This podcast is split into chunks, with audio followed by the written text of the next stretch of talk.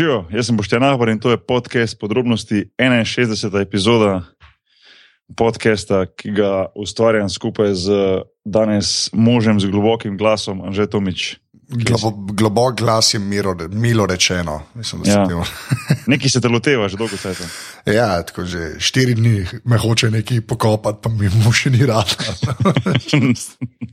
Škav visok si, tebe težko pokopati, hiter. veš. Ja, Če to- bi stal, mislim, da si nisi vodravno, da si napično. Ne, Ja, ne To morem je dolga, se dolga jama, pa veliko lopat je treba, da se te pokoplje. Ja, je rekel, on, ki je za pol centija manjši od mene. Sem to rekel. Ja, drugače, redo vse. ja, Kolikor se da biti, ko si pod napadom virusa. Ja. Okay. Veš kaj, lej, bom takoj naredil speljanko. Če bi bil ti kot Wim Hof, potem bi bilo boljš. pizda. Ja, Veš? ja To, je dober segway. Ja, gost, ki smo ga imeli v prejšnji epizodi, 60, to je bil Wim Hof, um, za mnoge Iceman oziroma ledeni mož. Uh, ja, nizozemski posebnež smo ga pomenovali tako, ena taka cute varianta. Uh, človek ima v Guinnessovi knjigi rekordov zapisanih več kot 20 rekordov, večina je povezana tudi z, uh, z mrazom, premagovanjem raz, mraza, ne vem, raznimi um, stvarmi, ki jih mogoče si mi nisi niti ne mislili, da moramo. Ne Vem, plavanje po ledeno ploščo, pa plezanje po najvišjih gorah na svetu v, v kratkih hlačah, pa, pa take fore. Um, pa tudi ima, vlada neko izredno kon koncentracijo, s katero lahko vlada svoj imunski sistem. Tako da že vidiš, nisi se nič kaj naučil s pogovora od njega. Ja, očitno ne, ne. Ja. Druga, drugač bi zdaj bil na krvalcu ali nekaj. Kratkih zgoraj, zgoraj brez, ja. Ja. Ja. zgoraj brez na krvalcu. Uh, tako da, ja, dajte počakirati to epizodo. No. Uh, sigurno malo mal drugačna epizoda, vse v smislu, da je bil pač tak gost res malo poseben um, in pa lih za to še toliko bolj zanimiv. Tako da to je bilo to. Um, Anže, admin zadeve. Uh, ja, tale podcast valjda najdete v iTunesih, hvala vsem, ki date tam oceno, sicer pa na aparatus.si. Pa na Facebooku smo tudi aparatus.si, pa podrobnosti imajo svoj Twitter račun, ki ga upravlja naš služen strokovnjak, to je pa afna podrobnosti počrtaj si. Um, Drugačno pa lahko tudi, če uh, podprete, to pa naredite, ko greste na aparatus.si slash podpri ali pa na aparatus.si slash salca, kjer mislim, da je samo še 12 šalc na voljo v tem trenutku. Ne. Ducat. Uh, ducat, tako dejansko ducat. Zanj je bil dober ducat, zdaj je samo še Znači, prvi ducat. ducat in pol, Uh, ducat in pol je bil, ja, zdaj Ja. samo še ducat. Ja, zdaj pa tako da. ducat. Ja. Uh, ja, tako da res ful hvala, no, ker pač vsak evro prav prije, da gre za opremo. ne. Ker tudi uh, današnji gost ima uh, en aparatus mikrofon pri sebi doma in upam, da se ga bo dobro slišalo. Ja.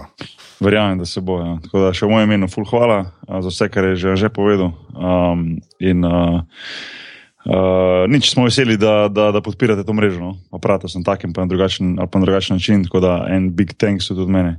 Uh, danes pa je z nami Boštjan Videnšek, eh, novinar dela in pa vedno zanimiv sogovornik, ki, ki potuje po svetovnih križnih žariščih. Um, sem pripričan, da ima tudi tokrat uh, za nas uh, kako zanimivo zgodbo, oziroma zanimive pripetljaje, ki jih je doživel v zadnjih par mesecih. Na zadnje smo se z njim pogovarjali v 48. epizodi, um, to je bilo 5.10. mi tu piše 2015, tako da je že kar nekaj časa preteklo. Pa se mi je zdel nekako tak pravi trenutek, zdaj po vsem tem, kar se je dogajalo v zadnjem času uh, z, z begunci, uh, z to krizo in vsem tem, da mogoče malo pregovorimo, pogovorimo zopet z Boštjanom, da nam pove, kje smo. Um, tako da to bo to. Že smo vse povedali. Sva. Ok, pa pa štarti zadevo.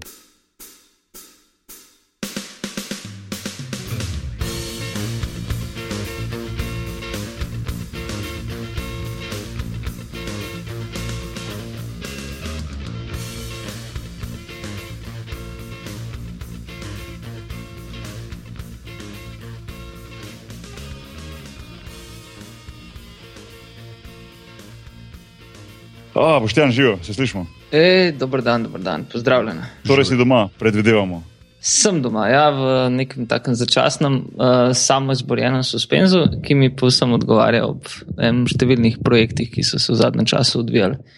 Ja, res je reče, da smo te uspeli dobiti, ker ponovadi se, se te nekako rezerviramo, davč naprej, tokrat pa smo z Anžetom imeli nekaj drugega prvo plano, pa je padlo vodo in sem rekel, pismo včasih že, da, da, da boš tja vidim, kaj pokličem, da vidimo, kje je in tu, lik si bil tu, lik si, lik si imel čas. Tako da prvo hvala, da si si v, v trgu cajt, drugo vprašanje tako, oziroma druga stvar pa takoj povej, med, med čim si zdaj, od kje si prišel, kam greš.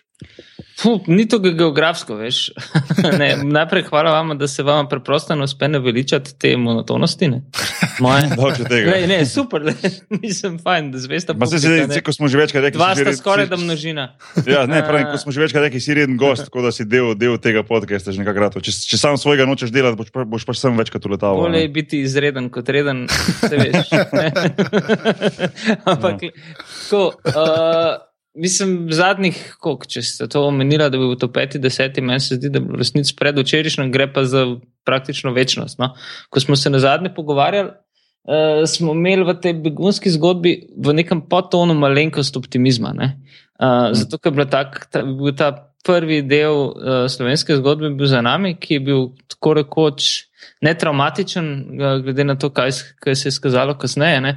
Ampak mislim, da smo tudi. Uh, epizodo zaključili s precej pesimistično napovedjo, da sledi čez nekaj dni, čez nekaj tednov, nekaj posebno drugega, ne? da bo Slovenija pokazala svoj, o Bog me pravi obraz in to se je zgodilo. Um, in če smo takrat, bi rekel, govorili o teoriji, ne, smo se potem srečali s prakso in se soočili svojo tako globoko temno resnico. No, nočem bi rekel uporabljati teh prehudih besed, ampak glede na to, da sem toliko časa v zadnjem letu praktično posvetil begunskim zgodbam, je bilo ob vseh človeških tragedijah mogoče najbolj tragično uh, ravno to, da je Slovenija odpovedala kot država, kot družba, odpovedala je kolektivno in to praktično na celi črti. No. Um, na politični, družbeni, čist človeški ravni. No. In uh, 17-18 let uh, sem mogel hoditi po kriznih žariščih, da sem kri, prvo krizo resno doživel doma. Ne. In uh, to, ni kriza, to ni bila begunska kriza. Ne. Begunske krize v Evropski uniji nikoli zares ni bilo. Je, k, v tem trenutku je še vedno v Istanbulu z okolico več sirskih beguncev kot celotni Evropski uniji, predvsem pa jih je bistveno več v Libanonu, ki ima dobro 4 milijone prebivalcev, z begunci 5,25. Um, če bi bilo v Evropski uniji toliko beguncev, proporcionalno kot jih je v Libanonu, bi imeli tukaj in zdaj 140 do 145 milijonov uh, ljudi iz Sirije.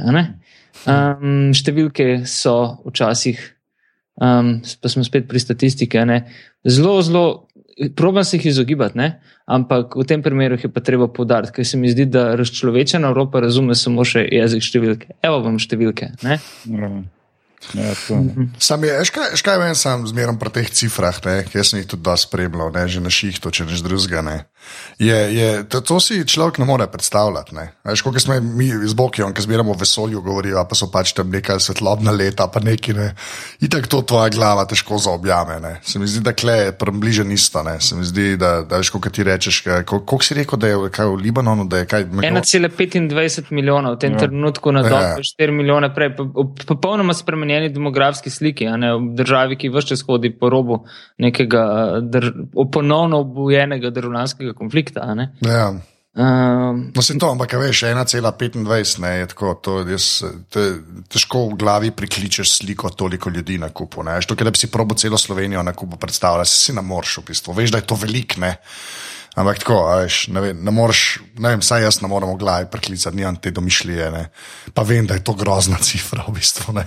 Ja, sem država deluje, ne. Libanon deluje, Libanon se ni zatresel pod tem. Ja. Kljub temu, da je predvsej oportunistična, naporna družba ne, za življenje. Eh, polna nekih notrnih konfliktov, tako etničnih kot religioznih, kot zelo neposrednih, klanovskih, ekonomskih, je sprejela vse te ljudi. Ne? In seveda dejstvo je, da jih ogromno živi v sužnih lasniških odnosih, da ogromno ljudi, predvsem deklic, prisiljenih prostitucijo, da je vsak deseti. Begunec šele hodi, šolo obvezen begunec po naših standardih hodi v šolo, ne? ampak država je vendarle odprla vrata za vse te ljudi. Evropa jih v resnici ni. Ne? In, in zakaj, zakaj misliš, da je pa njim, da rečemo, nekaj lažje odpreti vrata, kot recimo Evropa? Je to zaradi tega, ker je v bistvu pač nek način in religija in kultura bolj blizu, pa rečeš, to je moj sosed, pa lažje njem. Ali to je enostavno, mislim, kak drug razlog znotraj tega? Veš, zdaj, ko si te, te številke nisem vedel, zdaj, ko si mi to povedal, te kar malo narit vrženo. Da je tam v bistvu čez milijon v eni državi, medtem ko pa recimo se, se res delajo take.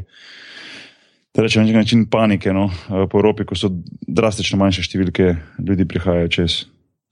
Jaz mislim, da drž, države, prvi, okay, ne, ne gre pozabiti geografskega pač razloga. Ne. V mm -hmm. prvih dveh letih vojne so begunci, seveda, večinoma bežali, izključno samo v okoliške države in Libanon. V Libanon so bežali ljudje iz Homsa in uh, jugo, uh, in juga Libanona, ne, in juga Sirije. Uh, potem so se te stvari nekako spremenile. Ampak uh, treba je to razumeti, po moje. V, Le, se mi zdi, da tam, kjer je spomin na bolečino ali pa uh, sunek, potresni sunek bolečine še svež, ne, je empatija večja.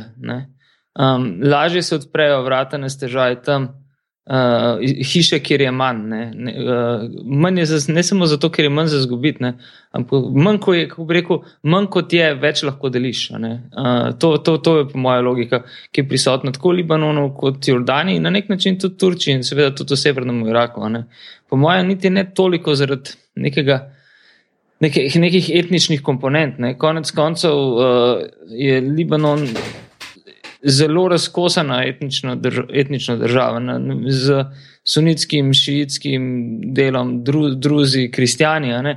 Prihajali pa so večinoma sunitski begunci, ne, ki bi jih lahko marsikdo sprejel, bi rekel, zelo agresivno, pa se to zares ni zgodilo. Še huje, ne, uh, uh, Libanon je v bistvu zelo upleten v sirsko vojno, ne, predvsem z gibanjem Hezbola, s šiitskim gibanjem Hezbola, ki se bori na strani, že od leta 2013 zelo intenzivno na strani režima predsednika Bašarja al-Assada. Pa tudi to ni pripeljalo do notranjega konflikta, kar bi po logiki stvari in algoritmih moderne zgodovine moralo. Veš kaj, zdaj, ko si omenil Libanon, um, upam, da, da, ne bom, da ne bi preveč zašel za te teme, ampak vseeno, ko si se spomnil na Libanon, sem se nekako spomnil na, na košarko Libanona. Slobodan Subotič. Ja, kaj je fiksi spodje. Jaz, jaz sem z njim poleti govoril pred to sezono. Uh, in mi je malo mal omenil, recimo, kako je spodaj liga, kako je spodaj klub. Zdi, jaz, jaz to prej nisem vedel, da so v bistvu spodaj, da imajo prav recimo klube, ki so pač lastnik oziroma navijači muslimani, potem imaš pa klub ali v istem mestu ali pa okolici, veš, ki je pač krščanski, prav tako veš. In imajo v bistvu prav te, te, te, veš, te dvoboje na terenu, malo tako medverske. No? Čeprav je vse, si predstavljal na dobrem duhu. Pa sem še enkrat gledal posnetke na, na, na YouTube, pa to, mislim, ne vem, no, tako pod koši stojijo vojaki, ne vem, če to kaj pove. tako dejansko par vojakov stoji z puškami, veš, da, da držijo vse pod kontrolo. Se mi je zelo, zelo zanimivo. No. Čisto tako mi gre, no. um, tako si jih omenil, Libanon, pa vse to, to, to raznolikost te države. No. Um, se mi zdi, da, da, da zna biti mogoče za tiste, ki grejo tja igrati na koncu. Mislim, da imajo vsake ekipe po par američanov, da zna biti kar, kar doživeti. No. Je pa um, kao blazno kvaliteten basket se igra v Libanonu. Mislim, blazno za, za, za, za tisto ja. regijo. Recimo razen Izraela, ki je mogoče izstopal iz tega, ja. ker ima pač Makabi Tel Aviv, uh, pač mesto v Euroligi in so dejansko močni. Tudi pred par leti so zmagali v Ligo konc koncev, pa ne prvič. Oziroma, ja, ampak je letos zadnjič. V Boga Olimpija premagala doma. Ne? Ja, letos so bogi. Ne? Uh, ampak v tisti regiji ja, je pa Libanon kar potem zadnji, ker mm. ne vem, si ne predstavljam, recimo, ne vem, uh, da bi ostale države sploh bile konkurenčne. Ne? Mislim, niso. Ne? Da bi rekel, potem Egipt, pa recimo ne Jordan, pa Sirija, itak je zdaj problem. Pa imaš pa na severu že Turčijo, ki je pa že druga stvar. Ne? Um, tako da, ja, no. to, kot mi grede malo basket. ne, ne, ne, zdaj bi rekel, lep, ja. lepa. Pa ti si bil kdaj, ti si bil kdaj pred tam v Libanonu? V ja, večkrat, večkrat. Ja, Slišiš, da je pa mesto izjemno lepo drugače. No. Libanon. Beirut je ja. genialno mesto, mogoče najbolj strastno mesto na svetu, kjer je. Res, res. Kaj ga naredi, mislim, kaj ga naredi tako posebnega? Zakaj, zakaj je strastno, veš? Zato, ker se mi zdi, da ljudje od dneva, ko so se končala državljanska vojna, ne, uh, živijo praktično vsak dan, kot da je zadnji. Veš, tak hektičen odnos na robu ločitve, ampak v, v ljubezni. Ne. Mhm. Visoke emocije, strast. Veš, tako, šele pred leti so, prvi, so bili prvi semafori postavljeni v Libanonu. Ne. Pa ne zaradi tehnološkega zaostanka, ampak preprosto zato, ker je nihče ni dovolil, da bi, bi rekel, kdo komu uveril promet. To je stanje permanentnega konflikta uh, v urejenem kaosu. Ne? Hkrati je pa v Libanon, po, v Libanon po letu 2003, recimo praktično po začetku razpada, drugega razpadanja Bližnjega vzhoda, prišel predvsej denarja. Libanonske banke imajo zelo specifično, kako bi rekel, Libanon je v bančnem sistemu uh, neke vrste Bližnja vzhodna Švica. Ne? Uh, Tako bi rekel, Las Vegas banke, ne? kar se tam zgodi, tam ostane. Ne? In ko, ko je bil kreš v Dubaju, se je ogromno denara preselilo tle, ne? eh, tja. Ne? Po drugi strani, um, mislim, je Libano, mislim, da je Beirut mesto, kjer opravijo največ uh, lepotnih operacij na leto na prebivalca. Ne? Ej, nekaj, no. Ampak v resnici ne gre na prebivalce, seveda, zato ker dekleta in ženske in zelo, zelo, zelo tudi deklice od, od 10 do 12 leta iz uh, zalivskih držav in Saudske Arabije prihajajo v Beirut na lepotne operacije. To so z Juretom Rženom že dolgo leta nazaj, prvič No, ampak- storijo delala. Kak, kak tip lep, lepotne operacije? Hoče reči predvsem to, to je tisto prav, da si povečati, eh, ne vem, joške, da zdaj smo bolj seksi, ali je to v bistvu prav tako, ne Baby vem, zaradi... ping operacije. A res? ne vem, kako, a smo lahko bolj plastični v tem. Ne, ko sem mislil, pač, a veš, ste popravi, da, da, ali nos, ali malo oči, a veš, ko se mi zdi, da je tam pač ta bližnji, bližnji vzhod vedno nekako podarja ta obraz, pa to, a veš, kaj mislim, ne? Nisem Ja, vedel, da- seveda. Ampak tudi, tudi vse, kaj, vse drugo tudi. No? Mm, Sam to je full random podatek. Ne, to, Ja, je, samo je- tak, ki ga ne zaslediš tako hitro, se mi zdi. No. Ja. To, to jaz nisem vedel. Pač, ne vem, že za banke še nekako mogoče štekam. tega, Kaj, kdaj, kaj, Bejrut je na zadnje, kdaj da je bilo, da je bilo, da, da je bilo res streljanje tam. Dva, mislim, res, res. Ja. Kart je 2006 ob zadnjem iza- izraelskem posegu. No, Aha, okej. Zelo brutalno. Potem si imel pa notrne spore, ravno ko se je ob umiku sirske vojske 2728.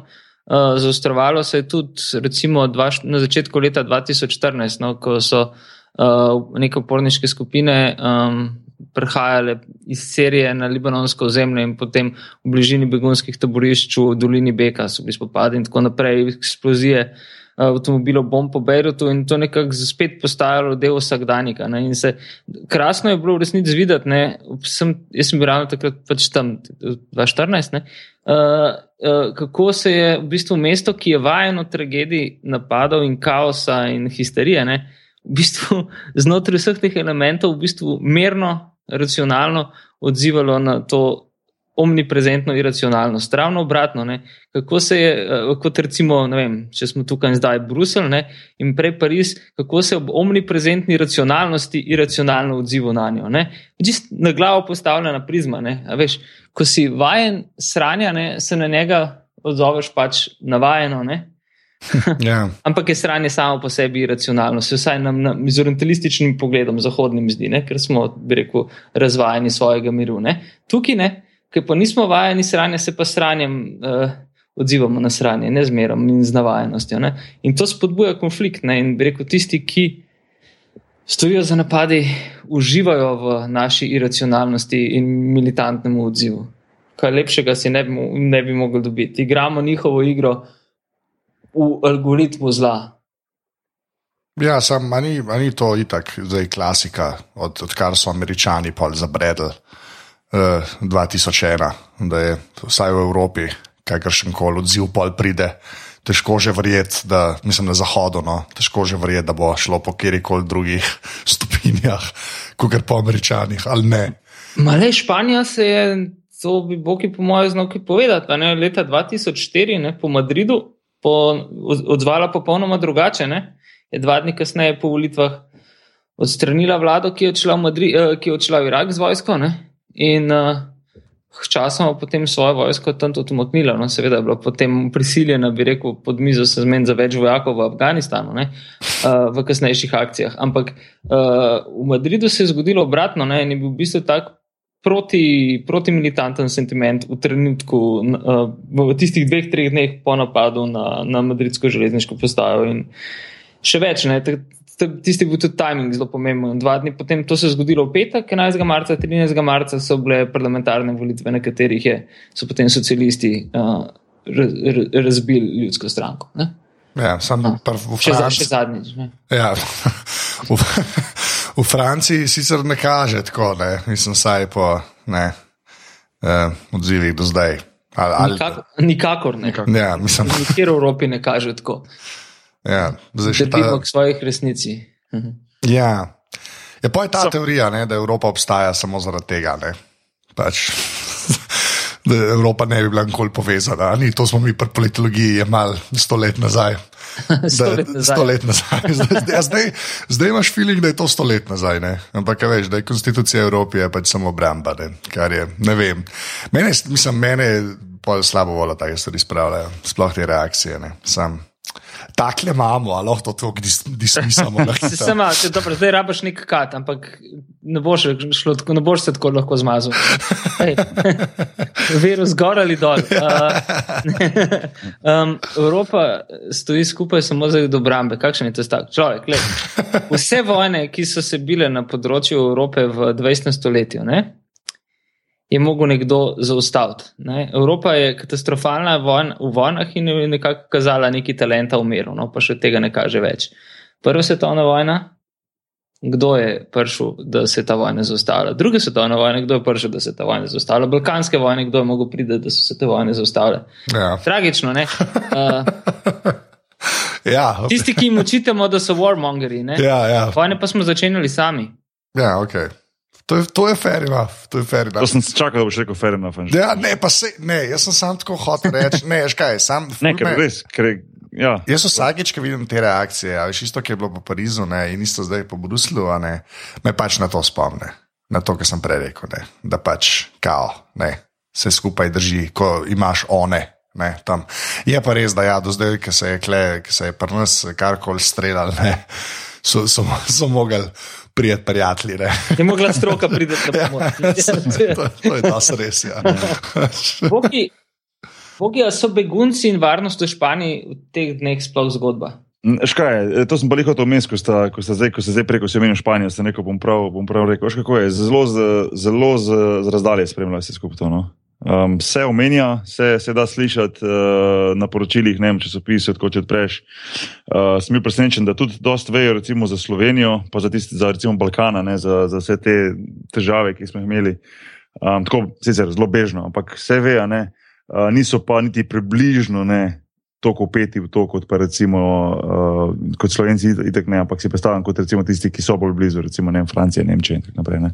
Se mi zdi, da res bolj z distance spremljajo in, uh, in so pri njih veliko, veliko bolj važne stvari kot uh, vem, na, ena izmed teh, naprimer, a bo Katalonija kadarkoli independent ali ne. Veš, to, je- to je, se mi zdi, da ena od stvari, ki njih veliko bolj zanima. No. Se mi zdi, da so kar mal, kar mal z distance spremljajo na to. Uh, ampak glede to, da sem jih kar spomnil prej na 2004, pa na Madrida, ne, da mogoče. Uh, zdaj, ko živim tu že nekaj časa, da, da me malo spremenja, da, spomenja, da me malo uh, preseneča, da ni, da ni malo več, da niso malo bolj, malo bolj opeti. No. Zdaj, davče tega, da, jaz, da bi jaz kakšne ne vem, politične časopise to prebiral dnevno ali kaj, ampak enostavno, ko se nekako z ljudmi pogovarjaš, tisti, ki tu živijo, pa tudi v Barceloni, pa tako nekako dobiš feeling, kaj je aktualno in kaj ne. veš. In uh, mogoče ja, zdaj v zadnjem, zadnjih šestih, sedmih mesecih, recimo, se malo več omenjajo begunci, pa begunska kriza. Uh, ampak davče tega, tako sem rekel, da bi to bilo njim neka, račun tega, prioriteta ali pa glavna skrb ali pa ne vem, kaj takega. Ne. A se ti mogoče zdi, da to tudi zaradi tega, ker dejansko za Španijo, ali pa predvsem za nek par generacij v Španiji, je v bistvu tisto izven Španije, zahodno, od, uh, mislim, ne zahodno, vzhodno od Španije, ne, dejansko Evropa ne, in da je Španija v bistvu zgolj Španija. Da ni tako močne identitete in povezave, recimo vem, in s- ali s Parizom ali s Bruslom, s temi dogodki, da v bistvu je nek še vedno, tako kot je bilo, ne vem, pred drugo svetovno vojno in tako naprej, osamljen otok. Veš kaj je, uh, lej, skozi to Katalonijo omenjam in bom tako rekel. Ne, oni ja, se počutijo špance, so, so, mislim, se počutijo kot da so neka svoja, dobro, saj so svoja država, ampak veš kaj mišljenje, kot da so nekaj posebnega. Ampak čim pa recimo se začneš spuščati v, v neko debato, recimo sploh zdaj tule, ko sem recimo živim v Sevilji, pa ko se malo kdaj pohecam, pa rečem, ja, kako malo, malo jih podkuriš, a veš to njihovo. Uh, da, bo, da bo Katalonija pa se odcepila, pa Barcelona, ker to je pač zdaj res nekaj let, že zelo taka malo bolj vroča tema. Pa se pa hitro ne obrnejo na Evropo, veš. Pa, pa ti bo vsak tako imenil, ja pa se Evropska unija to ne bo nikoli pustila, se oni ne bojo njih podprli, veš, tako je, ne, veš. Tu pa se nekako naslonijo pol na to, ko, ko, ko porabijo, veš, ko porabijo neko pomoč od zunaj, se mi zdi, ne, oziroma rabijo nekoga, da se lahko na njega malo nasloniš oziroma opreš, ne. Uh, do takrat pa, pa, pa ne, pa si prav rekel, ne, da, da, da se počutijo malo, da so malo izven tega, oziroma tako sem prej rekel, da gledajo malo z, z razdalje vse skupaj. Mm. No. Ja, to, to, to, to sem nekako opazil. No. Ampak se pravi, bom ponovil, ne davče tega, da bi se jaz s kakimi um, političnimi eksperti to pogovarja, pa kaj takega. Ne? Ampak čisti tisti pogovori, ki se pač dogajajo z ljudmi uh, tu na jugu Španije. Ne? Ne vem. Um, no, no, prej, uh, boš tam prej si omenil, recimo, ko smo veliko govorili o Sloveniji. To, um, kje, recimo, kje, kje, ko si prej rekel, recimo, da smo pričakovali, da se bo to vse zgodilo, vse je to zgodilo, ne, in Slovenija, tako si nekako sam rekel, je pokazala ti svoj pravi obraz, nažalost. No. Mm. Recimo, kje, kje, kje zdaj stojimo, kaj je zdaj trenutna situacija, Recimo, kje, kaj je zdaj za, za, za begunci, kje so, kje so največji problemi, zakaj se še vedno nekako, vsaj tako se mi zdi, ustvarja neka, neka, neka, neka panika, oziroma se hoče ustvarjati neka panika, da so to neki večji problemi, kot bi mogoče mogoč sploh so. Uh, kje, kje, kje je danes Slovenija, kar se tega tiče? No? Fu, po mojem, je že neke, neke vrste nostalgije. Uh, zdi se mi, da v bistvu sta oba politična pola uh, doživela neko tako um, vzneseno radost, ker sta dobila zunanjo temo, s katero sta lahko napajala svojo praznino. Uh, predvsem desnica ne, je v bistvu uh, izkoristila begunce za. Rekel, in seveda vedenje slovenske vlade, ne, ki je uh, s svojo zgolj navidezno levo-sredinsko konotacijo odprla vrata skrajni desnici, da je postala še bolj skrajna. Ne? Ker je, sama, ker je sama vlada, levo-sredinska vlada, delovala tako skrajno desno s postavitvijo ograje, z rasističnim, ksenofobnim diskurzom, z zavračanjem beguncev, z totalno razčlovečenimi odnosi na meji in tako naprej. Na drugi strani, in seveda uh, ne gre pozabiti tudi narekovanjem tempa pri sprejemanju odkovanega evropsko-turškega dela, te gigantske kravje, kupčije, eh, bazarja človeš, človeške tragedije, trgovanja s sto tisočimi usodami. Ne. Eh, danes v ponedeljek se začne eh, ta veliki del in vračanje beguncev iz grških otokov v Turčijo. To je, no, to je strahovito. Ja, ja. To je bila tako rekoč osebna ideja predsednika naše vlade, uh, kot posledica zaprtja grško-makedonske meje in razbitja balkanske poti. Na drugi strani ne, je, kot, je desnica generično rasla in se skoraj neonacizirala ob dogajanjih z begunci ne, in jih izkoristila. Zato, da se dokončno znebi politične korektnosti in pove tisto, kar čuti in dejansko misli, Eh, tra, trampizirano v realnem okolju, ne, je, je levica v bistvu se soočila s tem, da veš, samo tistemu, ki ga zares ljubiš, priznaš, da si rasist. To se je zgodilo slovenski levici. Uh, zelo redki politični glasovi uh, so povedali, tisto, kar se dejansko dogaja, da, živi, da se desnica praktično obnaša fašistično. Ne? To smo mogli govoriti novinari, to se je dogajalo na, form, na forumih, v politiki pa obnašanje oblasti in obnašanje skrajne desnice niti približno ni bilo neposredno obsojeno. Ne? Uh, in uh, to je dalo krila in strašen zalet temnim silam. Ne? S tem rečem, da če vidva veliko govorite o vesolju, in ne vem, hitrosti svetlobe, ne, sem jaz tukaj zelo intenzivno spremljal hitrost tam, kako hitro se širi, se širi te mačnost človeške duše in ima neposredne učinke uh, na so ljudi, na okolje. To smo, mislim, in se ob tem spominjal, uh, ne, ne osebno, ne, ampak vsega, kar sem spremljal v zadnjih letih, ker to je ena stvar, s katero se intenzivno ukvarjam, povojnih pobojev v Sloveniji. Ne. Kako hiter v bistvu pijanosti zmagoslavja v nadmoči. Uh, pa kdorkoli že na drugi strani ga imaš uh, za nič vrednega bivanja ne, in izvedeš praktično ali birokratski ali neposredni množičen poboj. Ne. V Sloveniji se je zgodil poboj po drugi svetovni, drugi svetovni vojni, zgodili so se izbrisani in če bi bila možnost in če bi ta zgodba trajala dlje, ne, se bi zelo fizično v veliki tragediji lahko zgodili, po mojem mnenju, tudi begunci. Biro, birokratsko so se že dogajali, ne, neposredno odločitve slovenskih oblasti vplivajo na tisoče in tisoče življenja. Uh, Namesto, medtem ko so ljudje samo hoteli prečkati Slovenijo, ne, je ta kričala zaradi bolečine drugega. Ne, to vse čas ponavljam. Ne. V Sloveniji se ni zgodilo nič, a zgodilo se je ogromno. Ne. In uh, zgodilo se je nepovratno. Ne. Zdaj, te duhovi, ne, treba je tukaj postresti s klišeji, ne so res ušli iz steklenice. Ne.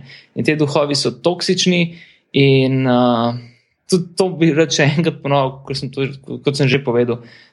Ko se boriš za begunce, ne, ko, ko jim pomagaš, se boriš lahko le samo tako, da jim neposredno pomagaš. Ne. Um, Seveda podpiram ulične proteste v, z, uh, v podporo beguncem, ampak brez kakršnih koli ideoloških obeležij in nacionalnih sentimentov in notranje političnega boja. Ko gre za begunce, gre za begunce in je treba skrbeti za njih. Mi smo v privilegirani poziciji, seveda gre tudi za nas, ampak za nas gre sekundarno. Koliko je, mislim, koliko je sploh beguncev danes, zdaj še, še v Sloveniji? Uh, Imáš ta, mislim, približen podatek? No? Njihovo številke nekaj sto. Ne? Uh mhm. -huh. Tolik, mislim, nekaj, če se ne motim, okoli 500 ljudi je zaprosilo za azil uh -huh. in mhm. so razporejeni po celi državi, praktično nič. Uh, vse veš, ne, med leta 94 in 95 je bilo v Sloveniji okoli 70 tisoč beguncev iz Bosne in Hercegovine. Mm, mm, pa mm. pustimo številke, ne, to je v resnici irrelevantno. Ne, gre za to, kako je.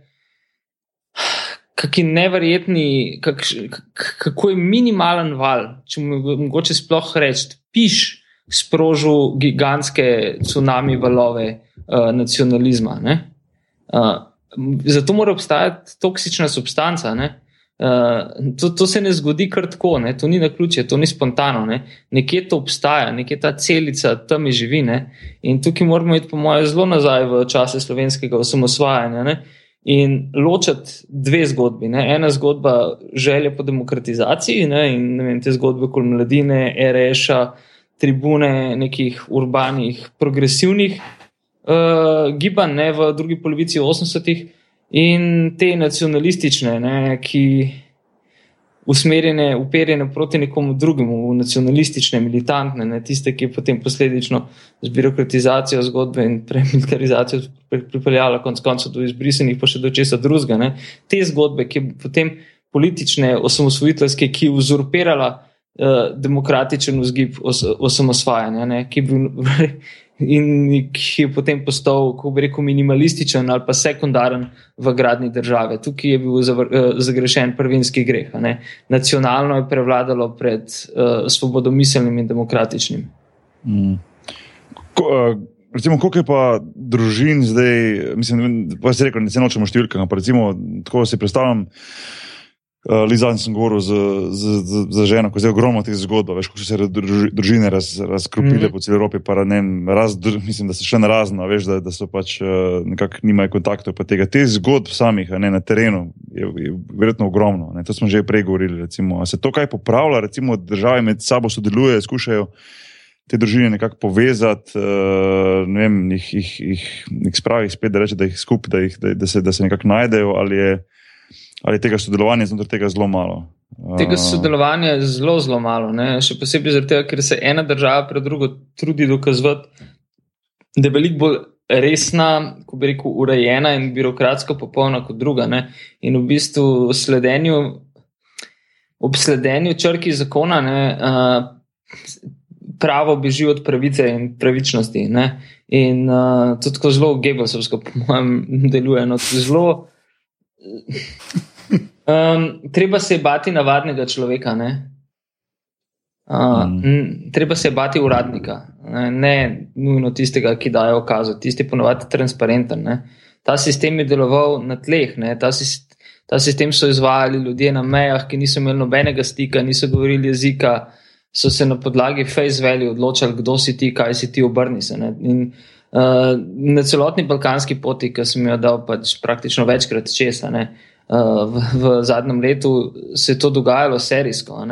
Tako, ljudje so ustajali dve, tri meje na razen, zato ker vsaka država pač izvajala nek svoj, nek svoj režim. Zelo tragične zgodbe so se seveda dogajale in to serijsko tudi na slovenski meji. No. In še posebej pa se je to zaustrilo, kako nekaj tam v drugi polovici decembra, pa pa začetku letošnjega leta, uh, ko se je preko meje začelo spuščati samo še uh, srce in račane. Ne? In uh, so Afganistanci, so v bistvu, uh, sicer ravno pri Afganistancih, so večinoma potovali mladi moški, uh, ampak tisti, ki pa so potovali z družinami, ne?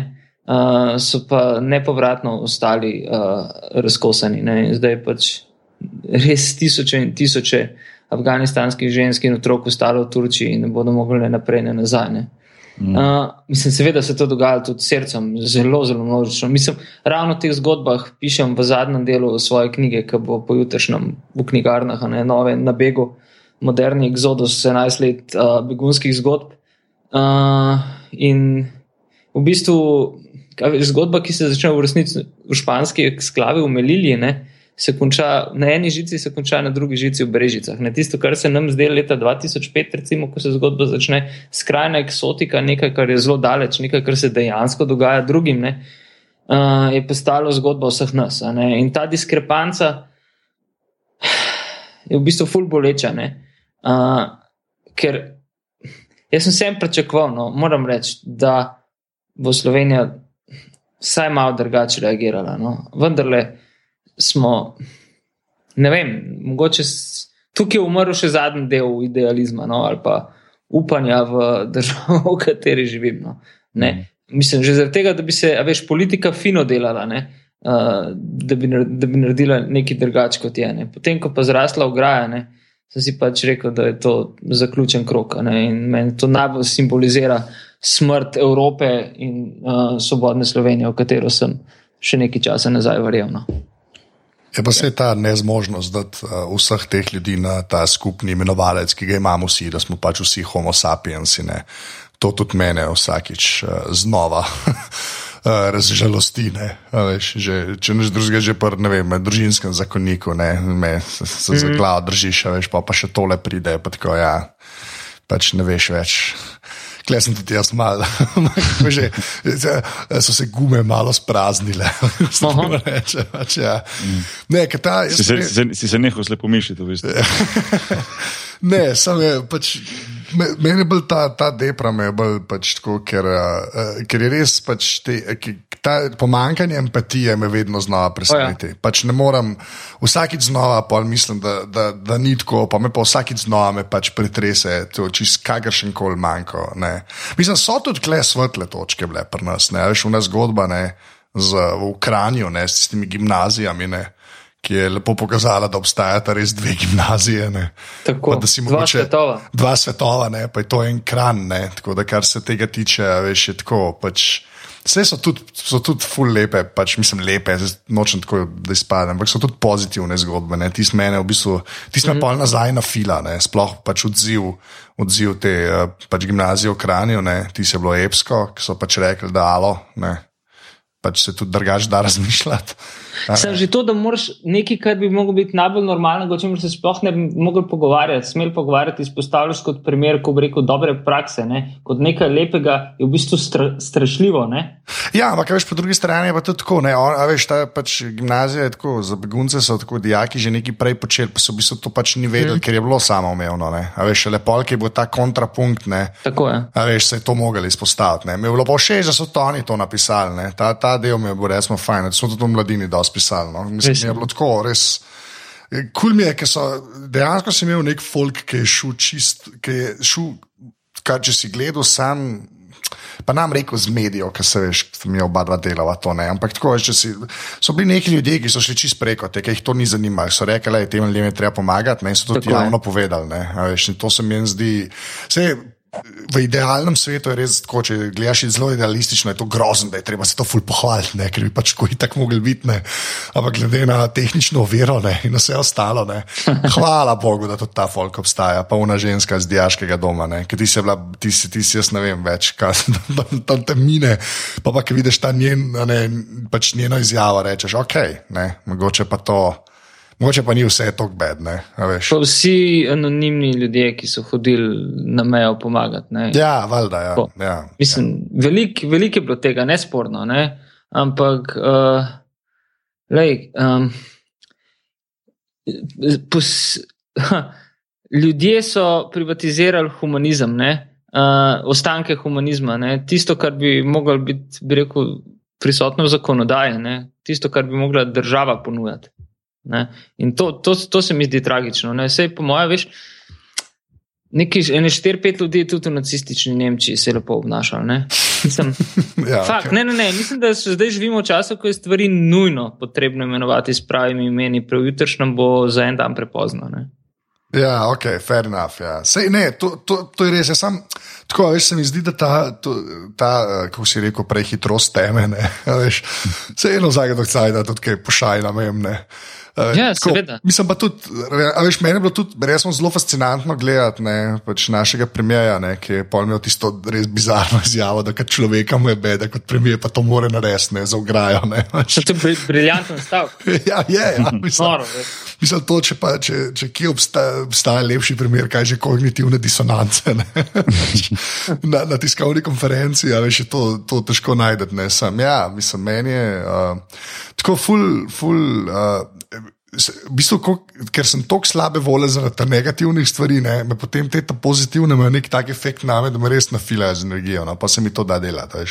Mi smo tudi pač na sajtu od mladine smo to ful spremljali, ne, sploh mm. ta kran. No. In je bilo pol, pa, prvo si res, ko sem prišel na šiht, pa je bilo 4 ure, sem samo tla gledal, več ali manj. Pa se pa unete druge izjave začele prihajati, pa reči, kam on, vse so še kul cool ljudje na tem svetu, ne, pa te pa malo nafila. Ne. Ampak ja, se pa strinjam s tabo, da. da a ne kaj evil triumphs when good men do nothing ali whatever. Ne. Uh, ja, bi, bi lahko še kdo kaj naredil, no. iskren. Veš, kaj, uh, veš, kaj me zanima? Pa zdaj, upam, da bo to vprašanje kako tako redo zvonilo, da ne bom preveč mm, mogoče, ne vem, čudno izpadel, ko hočem vprašati. Ne tako zanima- defensivno. Res ne. Uh, a veš, ker to, se, to je ena tako. To je ena, tako, to, to je ena taka stvar, ko bom zdaj vprašal, s tem, ko se ga skozi srečuje, zdaj v zadnjem času, kadarkoli se pač zgodi, res uh, se treba povedati. Grozen, uh, recimo, teroristični napad, ne, recimo v Parizu, pa zdaj v Bruslu. Recimo, ne.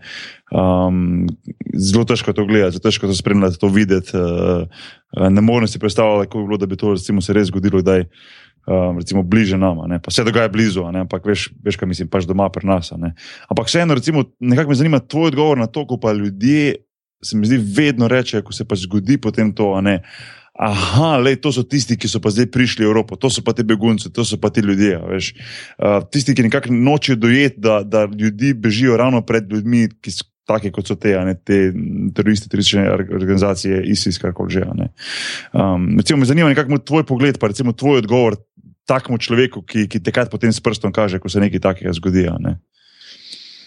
Uf, uh, dolg časa je bil prepričevanje, ne? verjetje v moč argumenta in faktov. ne.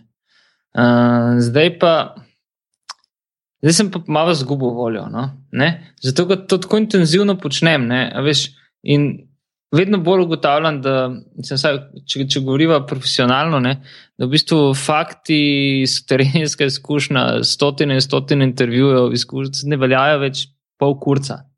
Ne? Mm, mm. Uh, zato, ker živimo v času spirale mnen, uh, neosnovanih uh, in, lej, kako bi rekel, človeku, če, če parafraziram Marka Tvejna, ne, človek, ki ne bere, ne, pa človek, ki ne zna brati, človek, ki ne bere, nima nobene prednosti pred tistim, ki ne zna brati. Ne. Ja. Uh, mislim, da je to treba prevesti v 21. stoletje. Ne? Uh, človek, ki ne bere, ima ravno toliko briljantnih prednosti kot tisti, ki ne zna brati. Ne? Uh, to je tisto, kar zdaj vlada. No? Veš, ne, ne rabiš nobene vsebine, nobenega znanja, da v bistvu dominiraš s tezo. No? In socialna mreža so tukaj. Kakorkoli jih imamo radi, naredila neskončno škodo našemu poklicu. No? Ne, res je, da se lahko širimo, hitro dostopamo do več ljudi, kot kadarkoli v realnem času, praktično, brez kakršnih koli zamud in odmikov. ne. Hkrati pa nam konkurirajo poslednji pezdetje. In uh, brez etike, brez česar koli. In proti temu smo nemočni. Ne? In uh, vedno bolj vidim, da to bitko v bistvu izgubljam. No? Um, in da ni, da ni nujno smiselna, ne? da jo je treba prevesti v nekaj drugega. Ne? In V kaj? uh, v to, da se pogovarjaš intenzivno, da se trudiš s tistimi, ki so še, kako ne rečem, mehko, neodločno uh, tkivo, ki prihaja v obdobje um, razmisleka. Ne? To pomeni srednja šola in faks. ne. Ja. Mislim, jaz, Ne vem, jaz mislim, da za ni- nikogar po, ne vem, to z glave rečem številko, po 28 letu nič več ne morem zares prepričati. No. Pa se trudim, kot svina pismo. Ne. Sam imam res slab občutek. Več, ja, več se zgodi, nekajkrat rata ne, je zadovoljstvo, ne. sam to je veliko bolj ego kot uresničitev tega, kar bi si želim v življenju početi. Imam ful velike težave s tem. Res, tako se mi zdi, da je treba, da v bistvu se ljudi veliko bolj že dotakneš s fikcijo kot. Uh, z non-fictionom, ne, kot z neko resnično storijo. No, ne? Ja. O- V času so popper in reality show je treba konkurirati z nečem, ki je ful učin, učinkovito. Ne? Uh, in ne nujno premišljeno, ne? mogoče mora biti čist spontano. In, ne vem, nek nov medijsko uh, obveščevalni format si moram zmisliti, po mojem. Ja, sam, jaz, gled, da nam to uh, pač v stran od te teme, ampak to, kar reke si rekel, ne, ne bere, pa ne zna brati. Ne. A veš, Ta, ta prepad je pač zaradi neta, ne, uh, tako velik. Mm Mhm. -hmm. Klej, jaz največji obup vidim, če me prašaš. Ne. No, ja, Ker- tule, prosti, izvolite, Ja. ja. nekaj končaj. končaj Ne, sorry. pač sem to, zna- to hočem reči, ne, da je pač ta, a veš, ti samo pač, a veš, sprejemati neke informacije, ki so na netu. Ne, Uh, pač jih mo mislim, se moraš naučiti to delati. Ne. Jaz upam, da ta mali nekako to pogrunta. Jaz mislim, da dejansko veš, ta mali, mogoče to celo bolj vejo, kot nekdo, ki je pač glih v tej umestni generaciji. Ne. Jaz ne govorim o 60-letnikih, ki tako ne znajo neto. Kdo so ta uporabljati, mali? Pa ne, tako kot si rekel, veš, ta srednja, ne, recimo, pa tako, jaz, veš, o tem govorim. Mislim, pač mlajši, mla, noče, vse, r, r, r, čim rečem mlajši, se sliši, kot ta, veš, PR boljšet, ki ga zmeram, ne. A ne uh, Izpod uporablja. 12 let. Tako, ja, ne, ampak tako, ne, pa brez evancije. No. Jaz mislim, da, pač ti, da imaš ti dejansko, veš, sploh zdaj le, ne, imaš ti neko generacijo ljudi, ki so v bistvu na položajih, na katerih se odloča. Ne. Veš, ki so pač, ker so tako stari, veš, zdaj, je to na državni ravni, veš, javna uprava ali pa firma, privatne, čisto sen. Pač dejansko nekaj ljudi, ki pač z netom niso glih na tijane. In zdaj, ja, veš, pričakovati od teh ljudi, ne, da bodo zelo, uh, kako bi rekel, znali brati internet, ne, je, je res, uh, jaz tudi, ko si jaz razlagam, no, zmeraj bolj utopično. Ne, in ja, jaz tudi uh, pa, pač pol obupujem. Ne, ker, A ker, to pač misliš, da bo pač nove, nova generacija pa da rečeš temu znala uporabljati, oziroma brati internet na pravi način? Mislim, ne, da, mislim, ne vem, iskreno ne vem. Ne, jaz to, to, če bi No, upaš, če- upaš, pravim. Upaš. Ja, upa, upam, ja. Ja, ampak ja. veš, ali to, ali kar, ali to čist jaz sam res uh, zadnja bilka upanja, da bo dejansko kaj iz tega, pa druga. Ne, samo to, to, zato sem se samo na to navezal. No, ker se mi zdi, da če bi se to dogajalo vse 50 let nazaj, ker ta tehnologija ni tako napredovala, ali pa se saj internet ni zgodil. A A veš, uh, bi se dal tudi na starejše, mogoče, a ne, ne glede na to, da si ti kot človek, se pol nekako zacementiraš. Ne. A Veš, uh, zdaj, je pa še ta, ta dodatna komponenta, ne, nekega folka, ki v bistvu čisto funkcionira v družbi, ne, zraven jih iz, vseh koncev napada internet, oni pa ne znajo tega razbrati. Ne, veš, uh, kako je signal and the noise, ne, šum pa dejanski signal. Ne. A veš, pa to je pa to velika težava, ne, ker na internetu je lahko hitro vse res. Ne, in, a veš, pa zgleda ležitne. Če si ti navaden cel življenje gledati TV, pa brati sajtenge, kjer je bila dejansko neka, vedno neka preverba, ne saj pa ta normalnih, ne pa ta normalni so ponavadi na dolgi rok glih preživeli, razen misteriji, ki še kar obstajajo. Uh, pač, To je robe s tem. ne, sem tako, a veš, če si pa na, na netu, pa v bistvu lahko vse ležit zgleda. Ne, A veš. Ja, to, to smo vprašali, to je vprašanje za oba. Recimo, a, a, a, a upate, mislim, a upate si, si reči, da je bil, ne vem, uh, ja, zelo te čulo, da se mi. Ampak dobro, a si upate reči, da je bil svet brez interneta, interneta boljši kot je zdaj? Ne, itak da ne. Mislim, da bi ne bilo pretirano drugače. a ne. Če govorimo o kontekstu ne vem, spreminjanja družbe in to. Ne. Lej, uh, ne. Mislim, Ma- mi že nimaš, nimaš, nimaš tega feelinga, da je internet pa res močno vplival na to, v kako smer, pa kako hitro. Pa na splošno, kako se spremenjamo, mi, družba in tako naprej. In tak naprej no. Mislim, da je Um, mogoče prezgodaj, da bi govorili Aha. o Se končnih 20 let, obstaja, v bistvu. Po mojem ja. to tako, ja. kot z LSD-jem, ne, treba počakati 30 let, da dokončno spre možgane. Ne. Ampak ne, zdi se mi, da vodi v neko uniformiranost prehudo. No. Tako, tudi pod- podobne side efekte, kot globalizacija sama po sebi, se praktično v bistvu je to poteka usporedno. ne. Um, in tisto, kar se. Govorim zdaj praktično o bolj ali manj socialnih omrežjih. No. To, da v bistvu ne samo, to je mogoče patetično govoriti o ukinjanju realnih stikov. Ne. V bistvu je ta parale, paralelen svet, usporeden, skoraj virtualen svet, postaja eh, dominira, dominirajoča realnost, ne, v kateri pa vladajo ista pravila igre kot v realnem svetu. Ne. Zato se mi ne zdi, da obstaja neka. Uh, neka loč, blazna ločnica, ne vem, z, recimo z letom 1940, ne, ko lahko rečemo, oh, takrat ljudje niso imeli dostopa do informacij, hitro, hitro, hitro, hitro jih je bilo mogoče zavesti. Uh, danes ne, imamo enormno količino informacij, gost, vseh gozdov, ne, tropski, vlažni, ampak jebeno neprehodni gost informacij, v katerih se moš, tudi če si res motiviran, s full znanja, izkušen in obvladujoč tehnologijo, kot žival prebijati, da v bistvu najdeš drevo, če ne celo vejo, ki si jo iskal. Ne? Torej, imaš podoben problem. Ne? Tam nimaš nobenega dostopa in iščeš edini obstoječi info, tukaj imaš milijardo vsega in iščeš in, edini obstoječi info. Over je mogoče zdaj več, kot jih je bilo kadarkoli. In se mi zdi. In to problem sem imel tudi z Wikileaksom, že, to smo se mogoče že pred, pred časom pogovarjali, ker je vsega tok, ne, da v bistvu ne prideš do jedra, ne, da to, to je tako preoblaženo, tak, to je gigantska čebula Reč, ne, mm. in ne veš, v katerem layerju je. In ko en layer zajebeš, zajebeš vse in moraš jo na novo krenuti, ali pa se mogoče že jedro zgubilo. No. In, uh, Se, zanimivo bi bilo videti en tako, tak, tako paralelno realnost, recimo, kaj bi bilo, če se internet nikoli ne bi zgodil, veš, kje bi danes bili. To bi bilo, veš, kaj mislim. To bilo tako malo zanimivo videti, recimo, kako hitro bi se stvari odvijale, kaj bi se sploh zgodilo, da bi, drugam, da bi to šlo tako. tako Že ti si prej rekel, da se ti zdi, da, da, da, da ne bi bili na boljšem, če ne bi bilo interneta. Pa sem te prav razumel. Pa ja, mislim, ne, ne, da ne bi bili na. Ker je ogromno dobrega tudi prenesel in tako naprej. In tako naprej no. Ja, ampak veš, to je tudi zelo težko tako izuzetne.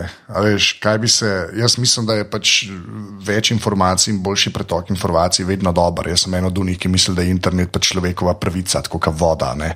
Okay, pač, ne, to, kar tle meni sploh ni debate. Tudi, tudi aparatov se ne bi bilo. ne, sam po, poanta. Vse bi se na tepih šeril. Ja, vse je to je, na kasetah bi se kako pošiljal.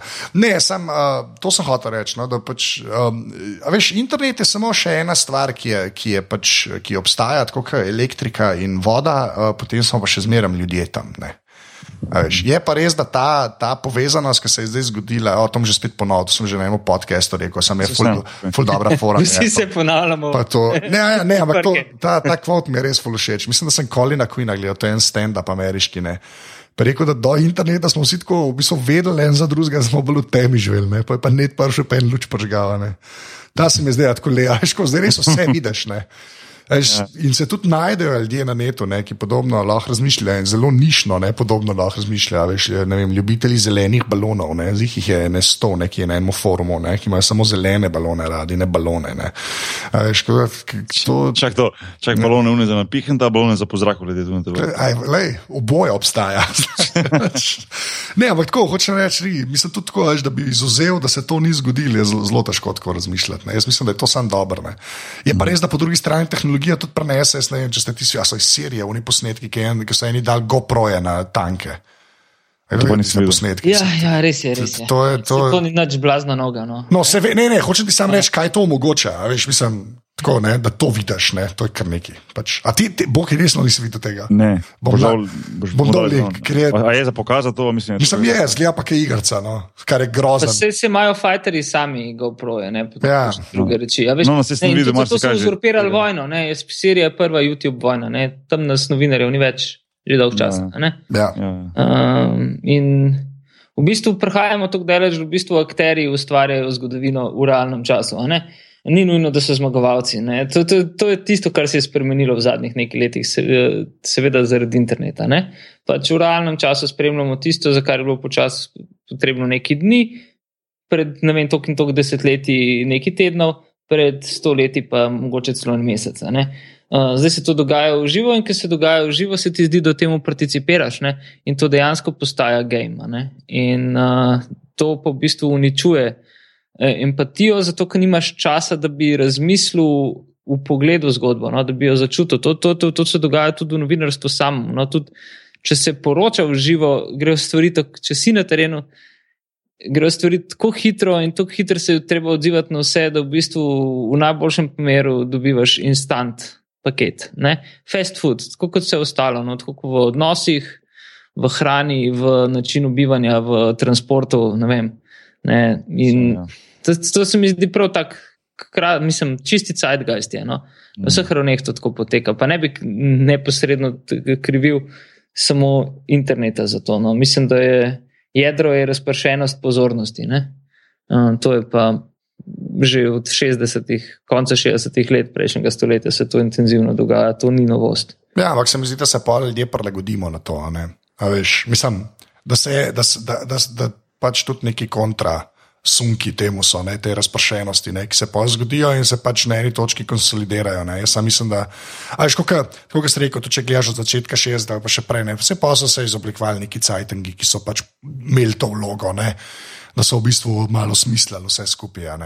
Veš, jaz mislim, da se bo isto na eni točki tudi na internetu zgodilo. Mi smo zdaj glih sred tega, pa je pa težko. Ker če bi to vedel, ga demet, pa je bil bogat zdaj le. Ampak veš, jaz mislim, da se bo tudi to na eni. Pa če enkrat se bo skonsolidiral. Ne. Je pa groza, da meni ta prepad, je, mislim, da pač kle internet si škodo dela, ne. to imaš ful probošti. Pač ta razpršenost pozornosti, pa pa še net kjer je pa šuma tokne, mm. da je res tak smešen koktejl izpade ne? in eni se čisto jamejo. To, šuma, skratka. Ja, lepa je. Ja. Okay. Ja, ja, ja. Di, digitalna ali pa ne. ne. Veš, kaj me zdaj zanima, zdaj ko smo pač. Pač te pogovore, oziroma cel te, cel te, nekako vse te teme, kjer jih govorimo, um, so nekako vseeno rdeča niti nekako Sirija. No? Um, pa smo že mm. v zadnjih parkih, ko smo vedno gosti, smo vedno imeli nekako vseeno se mi zdi, da rdečo ni to Sirijo, pa se nam vedno da nekakšen update, kaj se dogaja. Recimo, je, kaj se zdaj dogaja s Sirijo, recimo, uh, recimo z opletenostjo američanov v Rusu, ki so se, mislim, da omaknili, oziroma so, so v stanju, da se omaknejo. Se, se že, ne vem, uh, to star, mesto.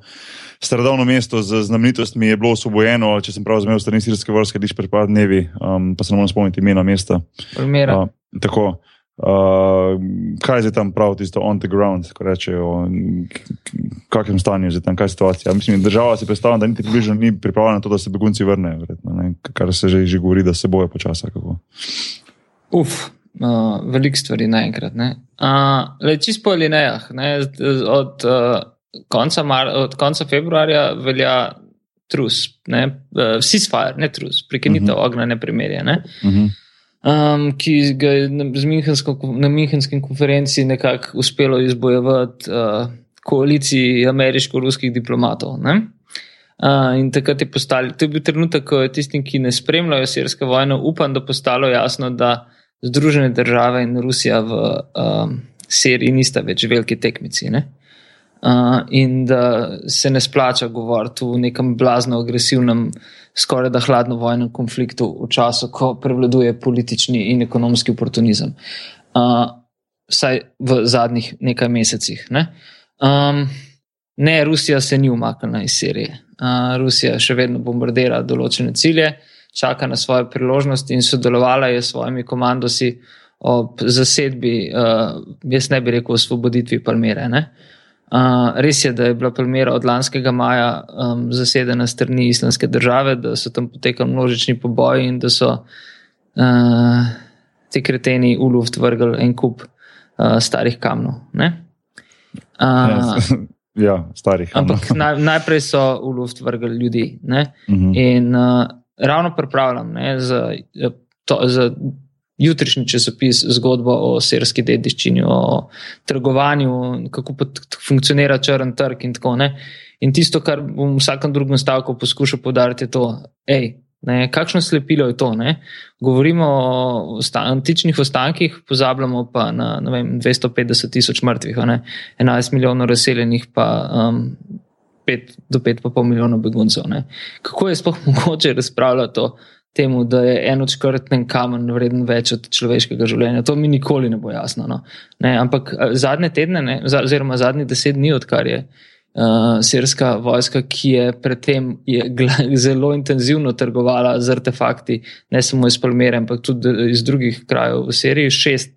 Uh, šest področji v Siriji je pod zaščito UNESCO, med drugim tudi Palmera, uh, uh, je kar naenkrat postala herojska po zasedbi uh, Palmere. Ne? Lani maja so se v celoti umaknili praktično brez izstreljenega metka pred napred, napredovanjem v velikih narekovajih. Uh, ISIS-a po 130 km dolgi cesti, ki, na kateri bi bilo mogoče s tremi avioni poslati v tri krasne v 4 minutah, pa pol. Pa se to ni zgodilo. Tega niso naredili niti američki koalicijski bombniki, ki so bili tam. ISIS-u se je odprl na široko, odprlo vrata v Palmero, pa tudi kam drugam. In še vedno sem na široko pušča odprta vrata. Ne. Po drugi strani, serija ne, danes je na številnih bojiščih, ključnih bojiščih, relativno tiho. Ne. Ampak to, ta tihost je res relativna in zelo hitro lahko serijo raznese. Ne. Jaz mislim, da slejko prej se bo začela, začel končni obračun. Uh, v Lepu, uh, največjem, najbogatejšem in strateško z naskokom najbolj pomembnem sirskem mestu, um, iz katerega sta v nekem trenutku zbežali dve tretjini prebivalcev. Če pade Alep, ne, če vladna vojska s pomočjo ruskih bomb, ki so naredile neskončno škodo v okolici mesta uh, v zadnjih mesecih pred uh, prekinitvijo ognja, uh, če pade Alep, um, se bom, bomo pa morda dejansko videli, kaj pomeni begunska kriza. Ne. In uh, Evropa, kot rečeno, je prodala usodo 100 tisočih Turčiji. Turčija nikakor ni varna država za begunce, nasprotno. Ne, čeprav marsikaj uh, lokalna skupnost, ne govorim država, vrhunsko skrbi za begunce. V mestu Kilis, kjer sem bil velik del februarja na sirski meji, ne, je bilo pred začetkom vojne 90 tisoč prebivalcev, ne. zdaj jih je 220-225 tisoč, vsi, ki so prišli na novo sosedci. Ne. In mesto deluje vrhunsko in totalno predano skrbi za begunce, ne, ki jih je. Uh, 105, 120, 130, 135 tisoč skoraj. In uh, to mesto, iz tega mesta Kilis je turška vojska obstreljevala kurdske sile na severu Sirije ne, v tistem času. In kazalo je, da bo Turčija s pehoto dejansko res vstopila v sirsko vojno. To bi bil čisti klasterfak. To bi potem dejansko pomenilo, da bi to postala sirska svetovna vojna, kar po mojem mnenju že je, se je v tem trenutku, oziroma v trenutku pred prekinitvijo ognja se je bojevalo v seriji 70 držav. To je še en podatek, ki bi rekel: 70. It's random. Ja, 70. Ne? Če pogledaj ja, spisek, ja, ne, uh, to, to je definicija svetovne vojne. Uh, če pogledaj spisek koalicijskih držav in spisek držav, ki podpirajo uh, režim, ne, spisek uh, držav, ki se borijo proti ISIS-u, in spisek držav, uh, iz katerih ljudje prihajajo v različne vojske, ne, v različne porniške skupine, in tako naprej, prideš do te številke s plusom. Uh, in na drugi strani je nerešeno kurdsko vprašanje. Ne, Kurdi so razglasili avtonomijo na severu države in to je, po mojem mnenju, prva že fizično opredeljena federalna enota prihodne serije. Serija nikoli več ne bo enotna država, to ne dvomim. Ne. Uh, v nekaj mestih bo prišlo pa ne to zdaj v Ženevi, ki se začenja sredi aprila, ampak uh, v nekaj mesecih bo prišlo do resničnih mirovnih pogajanj, kjer do takrat pa bo potekalo klasično krvavo, uh, krva, klasično krvava delitev zemlje. Na poslednji meseci državljanske in ne samo državljanske vojne, ki so vedno taki, kot so najbolj krvavi. No, to sledi, ne? sledi mm. finalni obračun. In uh, temu finalnemu obračunu bo na nek način sodelovala tudi Slovenija. Ne, ne samo zaprtjem balkanske politike in svojo antibegunsko intenzivno politiko, ki je težo dala najprej na Grčijo in seveda tudi na Turčijo, ampak tudi s svojo vojaško napotitvijo vojakov, ne, če sta to zasledila v severni Irak, uh, kjer, ja. bo, kjer bomo urili. Bojda pešmerge, kur, uh, borce severnega, uh, severnega Iraka, iraškega Kurdistana, um, zato da se bodo oni za naše interese bojevali proti ISIS-u. Um, ISIS se bo začel serija zdaj počasi umikati, po mojem mnenju, ne bo dolgo trajalo, da bo padla raka. Ne? Zdaj iz Palmere do Rake je praktično odprta pot. Uh, raka je že praktično uničena, središče samoklicanega kalifata. Na severu so močne kurdske sile, podprte z uh, ruskimi bombniki, ISIS seveda ni udeležen in tudi kurdine na nek način v uh, te prekinitvi ognja, in zdaj se bo celotna fronta tja usmerila, iraška, voj, iraška vojska na drugi strani.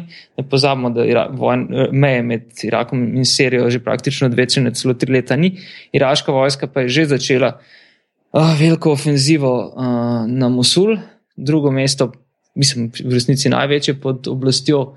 ISIS-a ne, in v bistvu mesto, iz katerega praktično vse ključne ISIS-ove operacije potekajo, kjer je, master, kjer je masterminding uh, in tako naprej, in tudi vojaški in finančni center. In v bistvu je zdaj, zdaj smo pred res finalnim obračunom, ne? meje se bodo risale na novo.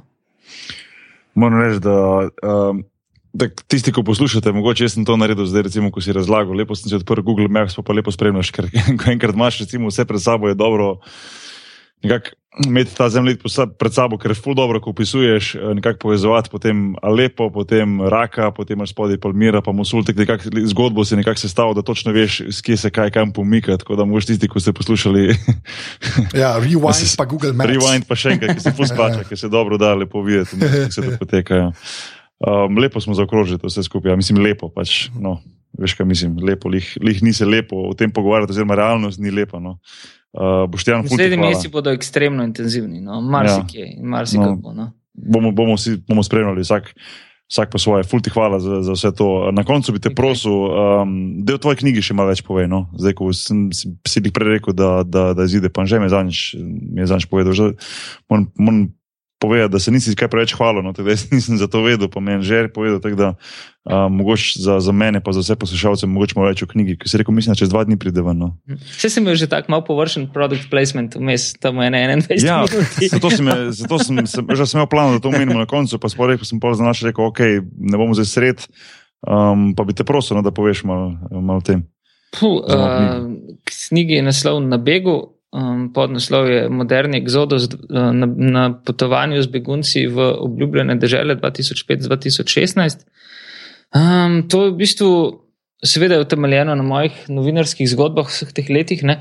Uh, v bistvu praktično, odkar spremljam konfliktne zgodbe, ne? dolga leta sem spremljal, seveda, tudi begunske zgodbe, ki so sestaven del konfliktnih zgodb, tako ali drugače. Ne?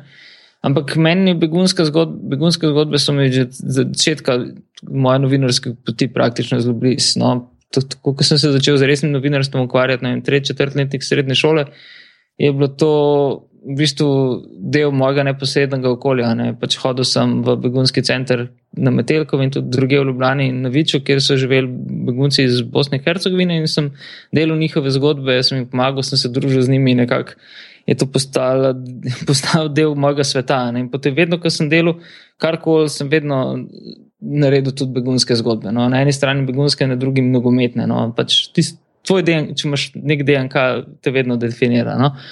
In uh, 2005 smo z Jurom Mreženom fotografom, ki je tako kot v prvih dveh knjigah te trilogije. No, je, ta knjiga zaključuje na eno trilogijo. Prva je bila, prva je bila Vojna terorja, je čist klasičen vojni žurnalizem. Eh, druga je upor arabsko pomladi in evropska jesen, ko v bistvu govori o posledicah tistih let prej, tukaj ta je pač človeška no, na begu, v bistvu temelji na stotinah in stotinah in stotinah upravljenih intimnih intervjujev. No. In v bistvu sem to poskušal zapakirati v eno samo zgodbo. No. Uh, od žice do žice, Španija, Maroko, cela, mislim, Severna Afrika, Bližnji vzhod, Turčija, Grčija, neštetokrat, Lampedusa, Sicilija, Južna Italija. Mislim, vse posod, v bistvu zgodba, je zgodba Mediterana, starega sveta, ki ne umira od starosti, ne? ampak od nečesa drugega, očitno. Ne? Ta virus moramo še zaznati. Se, mislim, če pogledamo ključne zgodbe, ne, ki nas obkrožajo zadnja leta, pa pozabimo na Kitajsko, ne, uh, se jih veliko dogaja v skoraj da pred časom pozabljenem sredozemlju. Ne? Arabska pomlad, Bližnji vzhod, Evropska kriza, begunci in tako naprej. Ne, ne pozabimo, da je Sirija mediteranska država, ki meji na Evropsko unijo in da je razlika, mislim, da je 140 km iz uh, sirske obale do Cipra. Uh, in glede na to, kako, kakšen del je Evropa sklenila s Turčijo, ne, bom kmalo Sirija imela tudi na Evropsko unijo, tudi z druge strani, zdaj bavam se. Glavnem, uh, ali pač. Ali ne, pač. Ja. Ne, to, to je pač res. Mislim, da moj, moja pr, moje prvo pisanje, ki je žurnalizmu dodalo ful intenzivno osebno noto, no, preprosto se nisem hotel zadržati, pa se finga delati, to je moja osebna štorija. No. Ne, mhm. in sem nekako tudi posesiven do nje. Tudi zato, ker sem prvič vstopil na lasten teren. Veš, po tolikih, tolikih letih tega, ki sem delal zunaj, ne, sem rabo uro pa pol ali pa še manj vožnje, da je ta zgodba dejansko prišla sem. Ne. Ne, no, nočem reči, da je prišla k meni, ampak sem se zbudil, pojedel zajtrk in sem imel čez dve ure sem na polno delu že. ne. In to na nek način je nenavadno, glede na to, kakšen opis del sem imel ne vem, od leta 98 naprej. ne. Mm. Mm. Mm, Ja. tuk- Tukaj se tudi, v bistvu je tudi veliko samoreflektiranja. No? Ni samo klasičnega žurnalizma in opisovanja stvari. No? Uh, ampak vsaj polovica knjige ne, je, če ne več, no, je v celoti prepuščena naracija uh, ljudem samim. No? To se mi zdi ključno. Dati vsem sogovornikom imena in priimke, mnogim obraze no, uh, in izobčati številke, no, id v prav tak skrajen, radikalen humanizem. No, ker in biti bitko, za katero seveda vemo vnaprejšnji rezultat, ampak je benti vedno znova, ko gledam Titanik, uh, še vedno nabijam. No? Ja, mogoče Ja, ja, super. tokrat ne.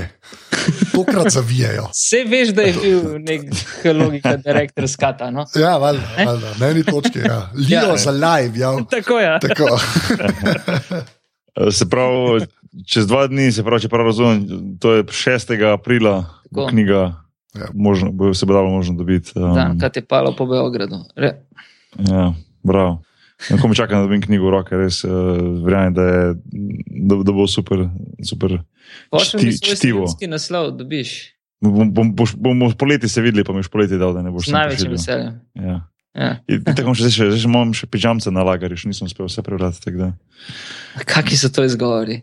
Njegov, njegove, Ja, Smeš na teh dolgih klubskih potovanjih? ja, se vem, ma, vem, vem pre, preveč, nam- jaz, jaz imam ful slabo navado, da si naenkrat nabašem ful nekih knjig in pol ne prijem skozi naenkrat. Imam ta kup knjig, da, da, da se ne vidim ven. Uh, si jih preveč, imam prevelike oči, pa premalo se premikajo te oči, pol, ko berem. tako Da, um, se moram malo bolj note vršiti. Um, v glavnem, ja, Interneta po domače. Ne? Ja. Ja, Ne. kaj, preveč, preveč smo internet, serije, sem tja, pa gre, pa gre urca okoli. ne. Um, ej, hvala ti, Boštjan, ful za to. Ja, thanks, boš te. Cool. Um, lej, bomo spet čez par mesecev se spet slišmo, um, kjerkoli boš, če boš doma, to, to klaže, pa to boš. Nekoč No. bi se spodobilo v živo. Ne? Ja, vse za to, ne. mogoče pa čez poletje enkrat v Ljubljani končno sedemo za, za, v isti sobi. Za, Ja. uh, V rekel, za aparatu isti- za isti- Headquarters. Tako, ne za isti mikrofon, ampak za tri iste mikrofone, ki jih je že že aparatus mreža ima. tako Da, Ja. um, Žene, žene, šampanjac. Uh, tako da mislim, da bo. Anže, izvoli. Uh, ja, nač, tale podcast najdete uh, na aparatus.si, smo tudi na Facebooku, pa podrobnosti imajo svoj Twitter račun, ki ga fura naš služen strokovnjak, uh, af na podrobnosti počrtaj si, tako da nas tam posledite, uh, drugač pa lahko uh, aparatus mrežo tudi podprete, to pa naredite tako, da greste na aparatus.si slash podpri ali pa na slash salca, tako smo rekli, samo še ducat jih je, ne, um, pa jih pa ne bo več. Uh, tako da to mislim, da je bil admin, zdaj pa boš ti, kje si ti na internetu. Puh, boš ti na Twitterju, boš ti in ime, priimek na Facebooku, klasika. Klasik. Bo, uh, Boki, ti? Jaz sem pa Ed Bokinar na Twitterju. Ej, uh, sem nekaj čarno šel gledati na iTunesih, a veš tudi komentarje, veš kaj je tudi ameriški iTunes. Ne? Ja, In nisem od lanskega poletja nisem pač nič pogledal, a veš, ker je nekaj komentarjev, gor, mislim, da jih je ne vem, na pamet gre 10, 15, ne vem, Ja. ne vem. In je napisal, kao, ne vem, nekaj v tem stilu, kao, uh, full cool, kao, dva besketaša, imata full, full, full cool podcast uh, z različnimi gosti, različne teme, kao, en od njih igra basket za denar, drugi pa za poškodbe. prosim, ne bi zdaj to reči, ker imam že spet kolen fuč. Pa se mi je zdel full dober komentar, sem rekel prav škoda, da ni v slovenskem, ker je pač. Ja, moš da preklopiti stor, ne. ne. Ja, moš drugi stor dati, pa se da. Ja. Uh, se vse. Hotel sem, hotel sem samo to reči, da ful hvala vsem za tisti, ki dajete tudi cene pa komentarje konc koncev, ker se nas potem lažje najde, kako že. že. Res je, res je. Veš, da ja. se naučil, enkrat boš ti admin odfuril. En, To to, znaš. za stoto epizodo ga jaz furam. Zmeden. Zmeden. Ej, ja, boš ti še enkrat ful hvala, to star. Ja, Vama, absolutno, vsaka čast. res. Smo na vezi, tako vedno. Okay. Absolutno. Ajde. Ajde. Čau, čau, čau. Čau, čau.